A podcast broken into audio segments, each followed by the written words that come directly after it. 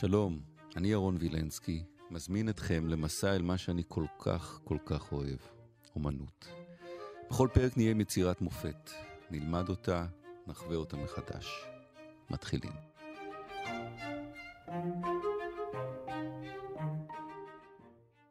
מיקלאנג'לו, חוזרים אליו ואל הפסל המופלא, דוד, דוקטור דויד גרייבס. דוד הזה, מה מיקלאנג'לו רוצה להגיד לנו עם דוד בצורה הזאת? אני רואה את דוד המלך, דוד, הוא, לא, הוא עדיין לא המלך, זה דוד הצעיר, שהוא עומד אה, להתמודד עם גוליית. והפסל הזה של דוד, בעיניי, זה מה שהאומנים, הפסלים, הקלאסיים, חיפשו מאז שהתחילו לפסל היוונים העתיקים. מה הם חיפשו? את האידיאל של דמות האדם. ובעיניי... אידיאל אסתטי?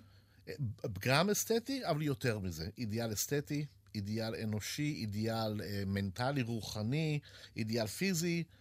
אני חושב שמיקלאנג'לו, הוא, וחשוב להבין שדוד הוא סוף תקופה, הוא לא תחילת תקופה. דוד הוא הסוף. ואני חושב שזה לא במקרה שהוא הסוף, כי מיקלאנג'לו אמר, הנה חבר'ה, זה מה שחיפשתם, זה זה. וכולם אמרו, וואלה, זה זה. הוא יוצר את הפסל ורק את, ה, את, ה, את הגוף של דוד, חמישה מטרים ושבעה עשר סנטימטר. כן. חשבתי, אם הוא היה מפסל את גוליית ליד, מה היה הגודל של גוליית? קודם כל, אגב, הפסל הזה הוזמן בתור פסל שישמור על הכניסה לבית העירייה החדש של פירנצה. של פירנצה. עכשיו, בית העירייה החדש, כל מי שביקר בפירנצה מכיר אותו, זה הפלציו וקיו, זה הארמון הזה שנראה כמו אה, אה, כלי של שחמט. אה, כן, כן. הארמון המרכזי, כן. זה בניין העירייה. יש אגב העתק. העתק של דוד של בחוץ דוד שם, אפשר לעמוד בחוץ לראות, כן. אז שם דוד היה, אמור, היה מוצב שם הרבה הרבה שנים. זאת אומרת, דוד, היה, זה, זה מקומו הטבעי. אחר כך העבירו אותו אל תוך האקדמיה. הוא עושה אותו כל כך ענק, מה הוא עושה עם הפרופורציות שלו? אה, זה דבר שבדקו אותו היטב, אה, למעט קוריוז אחד קטן. הפרופורציות לא לגמרי מדויקות, מהבחינה הזאת שהראש קצת יותר מדי גדול. אה, כתפיים קצת יותר מדי גדול. מה שבעצם מיקלנג'ל עשה, הוא לקח בחשבון שהפסל עצמו הוא ענק, הוא יושב על פודיום של עוד שני מטר, וכשמי שיתקרב אליו ויסתכל עליו מלמטה, בעצם עושה הקצרה מאוד רצינית. Mm. ולכן הוא הרחיב קצת למעלה. כדי לפצות על ההקצרה. הוא חושב עליי כצופה. הוא חושב עליך כצופה, עומד מתחת לדבר הזה. תודה רבה, מיקלנג'לו. למעט דבר אחד, הידיים שלו נורא גדולות. נכון, תראה את הכף יד, כף יד, יד זה משהו... בומבה.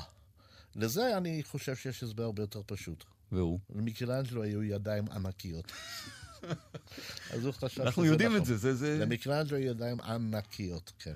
אז הוא שם את עצמו פה? אז, נו, איך אפשר לא? הוורידים שהוא עושה בשיש. אז אה, זה מה שאני אומר, מבחינת הפסל הוא האידיאל, זאת אומרת, אני לא חושב שיש פסל של דמות אדם שהוא יותר מושלם מהדבר הזה. אבל מה? זה רק חצי מהסיפור. החצי השני מהסיפ... של הסיפור זה שהאידיאל שה... הזה מאכלס בתוכו בן אדם אמיתי. יש מסורת אשר של פסלי דוד וגוליית. ושניים מהם הם מאוד מפורסמים בפירנצה, זה הפסל של אה, דונטלו ופסל של ורוקיו, שהיה המורה של ליאונרדו דה וינצ'י. בפסלים האלה ובמסורת הזאת, דוד הצעיר כן. הוא אלם חמודות, והוא מפוסל בצורה מאוד מאוד נשית. Mm. הוא, הוא, אין לו, זאת אומרת, הוא מאוד, הוא רזה, הוא עדין, טוסיק בולט, שערות גדולות. זה הולך נכון יותר עם הסיפור, כי הוא אמור להיות מאוד נכון, קטן מול גוליית. נכון מאוד, והקטנצ'יק הזה מחזיק את החרב הענקית של גוליית אחרי שהוא קרט לו את הראש והוא דורך על הראש עם הרגל. מה שעשה מיקלאנג'לו זה שהוא חרג לחלוטין מן המסורת הזאת של להיצמד לתיאור המקראי, והציג את, אה, את אה, מיקלאנג'לו מבחינה פיזית בתור המושלם, האידיאל המושלם, ומבחינה רוחנית, מבחינת הפנים שלו, הוא אדם אמיתי. הדוידים האחרים הם מאוד קלי דעת. אוקיי? הרגתי את זה, הם מאוד קלי דעת. הם עם חיוך כזה. פה הוא כמעט אל. הוא פה, לא, פה הוא מסתכל הצידה, כן. עם מבט מודאג, דהיינו, הוא מסתכל זה על? גוליית. יש לו את הקווים האלה של העצבים בין. ה... בין הגבות. הוא, הוא, הוא פוחד. הוא פוחד. אבל מה? הוא שומר פאסון, אבל רואים שהוא דרוך.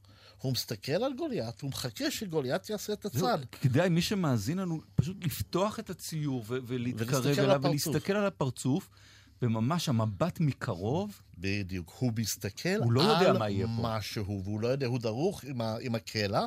יותר מזה, אגב, הוא פונה הצידה. עכשיו, זו טקטיקה ידועה של לוחמי דו-קרב. כדי להקטין את מקום הפיגוע האפשרי, הם פונים אל הצד, אל היריב שלהם. אוקיי? וזה בדיוק מה שהוא עושה. הווה אומר, מיקלאנג'לו תפס אותו ברגע שבו הוא בוחן את, את, את יריבו. למה הוא ערום? בגלל שהוא אידיאל. הוא ככה הוא הולך להילחם. לא, כן, ככה הוא הולך להילחם. כי, כי שוב, זה פשוט להראות את האידיאל שבו. עכשיו, הוא לא אמור להיות יהודי? ברית אה, מילה? אני לא יודע, אני תהיתי לגבי זה הרבה מאוד פעמים, אה, אז... כי כאן אין לו ברית מילה. עושה רושם שאין לו, אני לא...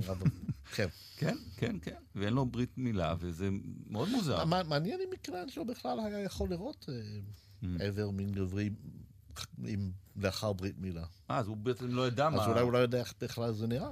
אגב, משהו טכני, אה, העץ הזה שהוא נשען עליו, כן. זה, זה גם עניין טכני בפסל, זה להחזיק שוויץ. אותו. לא, זה שוויץ, זה שוויץ.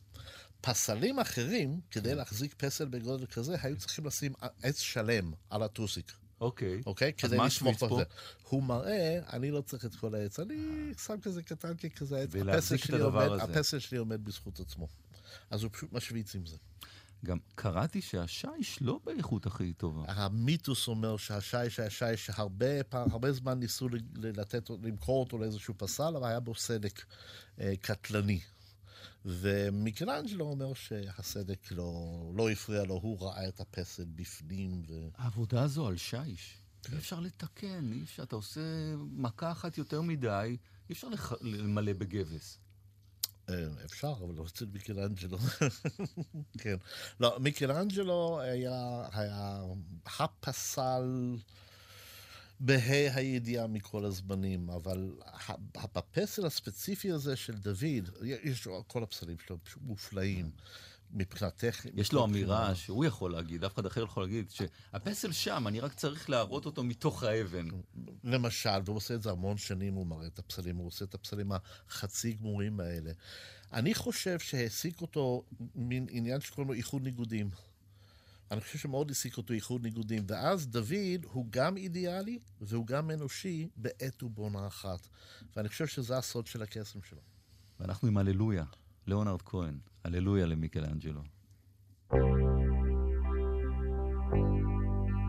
Now I've heard there was a secret chord that David played and it pleased the Lord. But you don't really care for music, do you?